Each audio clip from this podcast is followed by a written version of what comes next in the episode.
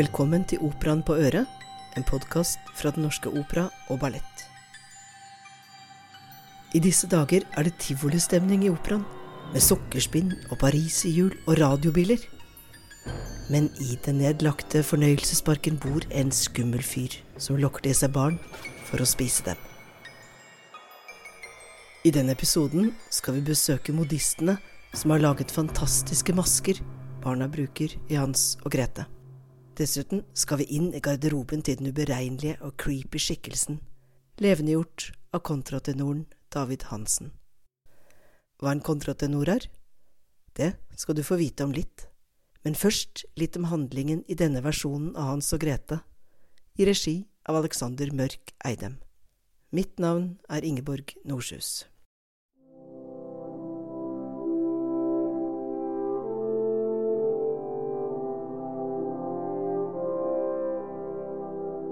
Historien om Hans og Grete kjenner vi fra Brødrene Grim. En forferdelig historie om en mor som sender barna ut i skogen for å dø, siden det ikke er nok mat til hele familien. Operaens dramaturg Hedda Høgåsen Hallesby forteller at med tiden ble denne fortellingen endret og moren gjort om til en stemor for å mildne inntrykket noe. Operaen, som er fra slutten av 1800-tallet, så er det mildnet igjen til igjen å være en mor som nå ikke sender barna ut for å dø, men sender de ut fordi de ikke gjør jobben sin med å binde koster, som de gjør for moren og faren, eh, og fordi de herjer og bråker og knuser en melkemugge og sier nei, nå slutter dere, nå går dere ut. Og de drar ut, disse mm, to barna, Hans og Grete, og far kommer hjem. Far er gladfull denne dagen vi møter han. Han har nemlig solgt mange koster på markedet. Krigen er nemlig over, og da må alle veiene kostes. Og det tjener han masse penger på. Og han har med både pølser og kaffe og ekte smør hjem til mor, som blir kjempeglad. Fullt så glad blir ikke far når han hører at mor har sendt barna ut i Svartskogen. For i Svartskogen der lever den rene ondskap i form av en psykopat som putter barn i bur. Og når teppet går opp for annen akt, så møter vi Hans og Grete i denne skogen. Og i skogen i vår produksjon så er det et gammelt, forfallent tivoli. Der leker de med apparatene de finner, og med noen deilige grønne kuler som kommer trillende, og som de stapper munnen full av. Men så høres noen rare lyder i denne skogen. Grete blir ganske redd, tror de har gått seg vill. Hans prøver å berolige henne. Og så kommer en mann inn på en radiobil, og han sier at han elsker barn og vil gjerne leke med dem. De to barna er ganske skeptiske nå, eh, men de får denne bedøvelsessprøyten som mannen setter i dem. Eh, og de sovner. Og før vi går ut i pause, så kommer en fantastisk scene der barna som denne mannen har fanget, kommer inn med store, fargerike masker på og begynner å leke i eh, dette tivoliet. Eller det vil si, mannen lar dem ikke leke. Han vil leke. De skal hjelpe han å leke. Han skal styre showet selv. Når vi kommer tilbake fra pause, så ser vi Hans og Grete som våkner opp ganske sånn eh, neddopa i hver sin radiobil. De ser hvor de er havnet hen, utenfor et rart hus som her ikke er eh, noe pepperkakehus men derimot eh, et sted med popkornmaskiner, sukkerspinn og pizzaovn. Og de begynner å forsyne seg av dette her, leke med det de finner. Og så kommer da en mann som er denne Rosini Vildenvei, som han presenterer seg som. Han vil gi barna masse digg å spise, men de skjønner nå at her er det fare på ferde. Dette er ikke bra. Eh, også fordi Rosini holder dem fast med knivene sine og skal låse dem til dette stedet og tvangsfòre Hans med en godterismoothie, sånn at han skal bli ordentlig tjukk og deilig. Eh, men barna outsmarter denne fyren, og det ender godt, også her. Og de barna som Rosine Wildenvei har holdt fanget, de våkner opp igjen og feirer eh, godhetens triumf. Foreldrene kommer også, og faren prøver å ta æren av det hele ved å si ja, det var det jeg sa, det ender godt til slutt. Og så er spørsmålet her om det egentlig ender så bra. Vildenvei kommer i hvert fall tilbake for å ta en eh, siste liten hevn over oss alle, kanskje.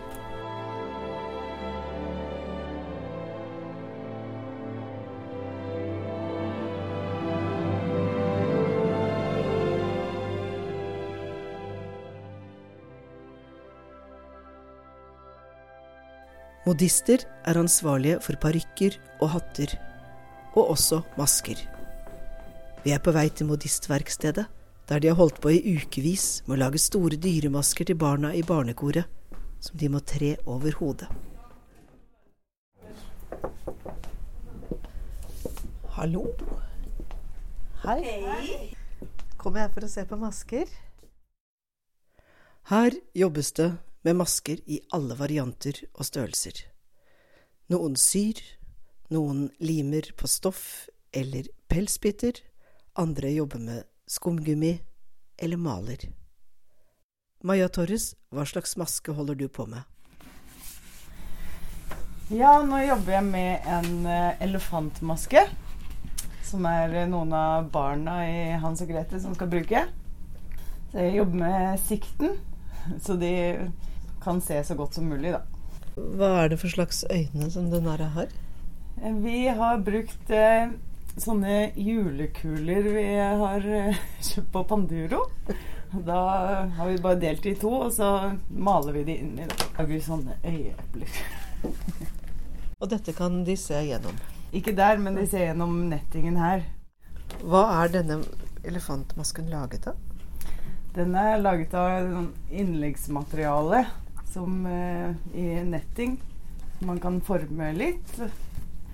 Ellers er den eh, lagd mest av eh, heklet stoff. Som dere limer utenpå. Som vi har eh, sydd sammen eh, litt sånn provisorisk. Fordi han, eh, heksa i Hans og Grete, han eh, lager jo disse maskene selv. Så vi må jo prøve å lage de mest mulig sånn hjemmelagd, da. Tilfeldig. Gunn Rosnes står foran en annen type maske, et kaninhode, som ser ut som det er laget av pappmasjé. Så hva begynner man med når man skal lage en slik maske? Eh, alltid når vi lager sånn pappmasjé-masker, så lager vi en eh, form i leire. Som vi da får godkjenning fra eh, designeren om at det ja, ser dette ok ut. Og så sier designeren ja, kanskje litt opp der, eller inn der, eller ut der, eller noe sånt. Og så fikser vi på det. Og så lager vi en prøve i sånn gips. Sånn at det da det er lettere å se fasongen. Så lager man i pappmasjé. Og det er en gammeldags måte å lage lim av mel og vann som vi koker. Og så legger vi avispapir på. Det som jeg gjør i tillegg til det som i jeg gjorde i gamle dager, det, det er at vi har litt Vi kasjerer, kaller vi det. Og det er å legge på et veldig tynn eh, stykke gassstoff. Sånn at den blir sterkere. Og så Denne masken er som sagt veldig stor, så den må ha en veldig kraftig stopping. Så det har vi lagt inni noe skumgummi og en slags hjelm av et skumgummimateriale, sånn at den sitter godt på hodet. For det som gjør det vanskelig eh, med en maske, det er rett og slett hvis han, hvis han er stor og det er ubalanse i masken og han ikke sitter godt, da, da blir han plutselig veldig tung og veldig vanskelig for nakken å tåle. Hvor lang tid bruker dere på hver sånn maske? 30-40 timer. Ja. På én maske. På én maske, ja. Det å finne opp kruttet mange ganger på nytt og på nytt, altså. Fordi at eh, selvfølgelig så er det, kan vi bruke erfaringer, men mange ganger så er det likevel sånn Ja, det funka ikke den gangen likevel.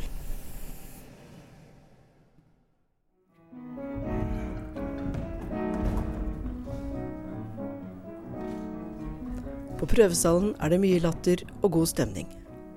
Hans og Greta forvillet seg inn i den forlatte fornøyelsesparken, og der møter de en underlig og urovekkende skikkelse som løper etter dem med kniver. Eh, Knivene er ikke skarpe, sa eh, Vi gjør, gjør ikke noe farlig med, med knivene, sa Det er bare, bare spill. Det sier den australske kontrotenoren David Hansen, som i flere år har hatt Oslo som sin base, og som vi derfor kaller David Hansen. Heksa i Hans og Grete er en relativt spesiell eh, skikkelse. Veldig glad i å leke, kommer susende inn på en radiobil. ja. Hvordan er det å være heks? jeg syns er veldig gøy. Vi begynner med radiobiler, og så eh, kjører jeg karusell og pariserhjul og Ja, så det er masse lek på scenen. Eh, jeg syns det er veldig gøy. Høres jo litt ut som en drøm. Ja. det er, men det er også litt slitsomt, for jeg, jeg løper rundt uh, hele tida. Må tenke på musikken også. Denne heksa synges vanligvis av en mezzosopran eller en tenor. Mm. Men du er kontratenor. Ja. Hvordan eh, beskriver du en kontratenors stemme?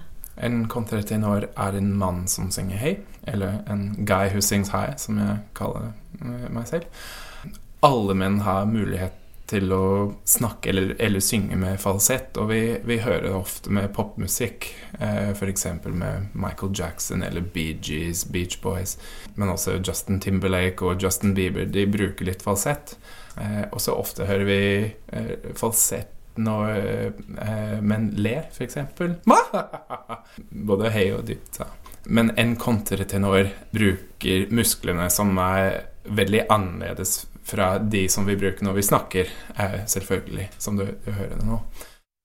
I motsetning til dem som bare glir opp i falsett på enkelte strofer, trener kontratenorene opp musklene rundt stemmebåndene, slik at de klarer å synge konstant i dette toneleiet. Dette krever mye muskeltrening, forteller David.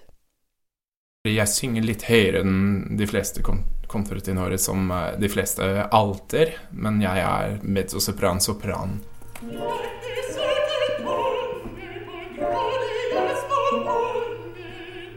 Jeg skal e- egentlig synge tre forskjellige roller som ble skrevet for eh, to sopraner og en tenor eller mezzosopran, men vi skal blande, blande dem Eh, og jeg tror det blir første gang i historien at en kontratenor skal synge alle tre eh, disse rollene. Så jeg er veldig spent på det, og veldig stolt. Jeg ble spurt om jeg kunne synge alle tre. Stemmen til David Hansen går over tre oktaver. Jeg lurer på om han synger som baryton i denne forestillingen også? Nei, men jeg bruker baritonstemmen min bare som en effekt eh, på scenen. For eksempel, jeg skulle synge 'Hokus pokus' som hekse.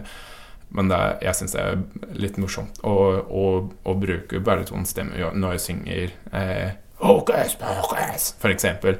Bare for å lage litt skumlet eh, lyd. Synger kontratenorer kvinnerollene, eller ble det skrevet roller spesielt for kontratenorene? Nei, eh, de ble, ble skrevet for kastrater, egentlig. Kastratsangere var menn som ble kastrert før puberteten for å hindre at de kom i stemmeskiftet. Dermed hadde de en manns lungevolum, men en guttestemme som alt eller sopran. Mer om dette om et øyeblikk. Monteverdis operaer. Mm. Han skrev for kastrater, gjorde han ikke det? Ja. ja. Mm. Ja, hans første opera, 'L'Orfeo', eh, ble skrevet for bare menn. Så de, de, de sang både mannlige og kvinnelige roller. Kontratenorstemmen skriver seg tilbake til det 14. og 15. århundre. I renessansen skulle kvinner tie i forsamlinger, og iallfall ikke synge i kirken, og kastratsangerne begynte å gjøre seg gjeldende i kirkekorene. Disse sangerne ble etter hvert så populære at italienske operaer måtte ha med minst én av dem for å være sikker på at forestillingen ikke ble mislykket. Italiensk opera i det 18. århundre ble mye spilt over hele Europa, og sangere som Farinelli og Senesino ble de første store operastjernene. Heldigvis endret holdningen til denne praksisen seg på begynnelsen av 1800-tallet, og det betydde slutten på roller skrevet spesielt for kastratsanger. I 1861 ble det offisielt ulovlig å kastrere noen i musikalsk øyemed i Italia. Alessandro Moreschi, som døde i 1922, var den siste kastraten i det sixtinske kor, og stemmen hans kan faktisk høres på innspillinger så sent som fra 1904. Men tilbake til dagens kontratenorer. Det er noe nesten magisk med denne stemmen.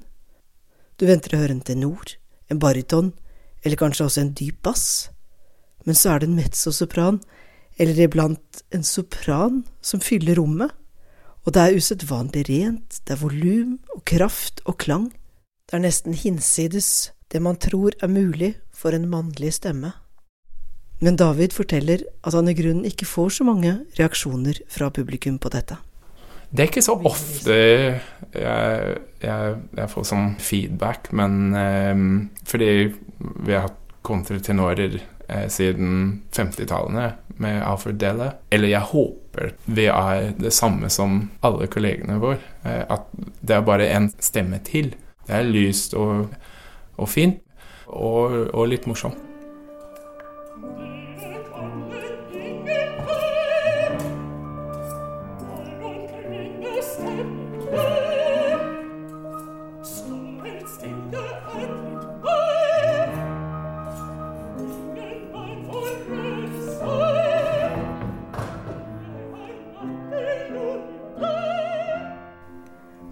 Du har hørt en podkast fra Den norske opera og ballett.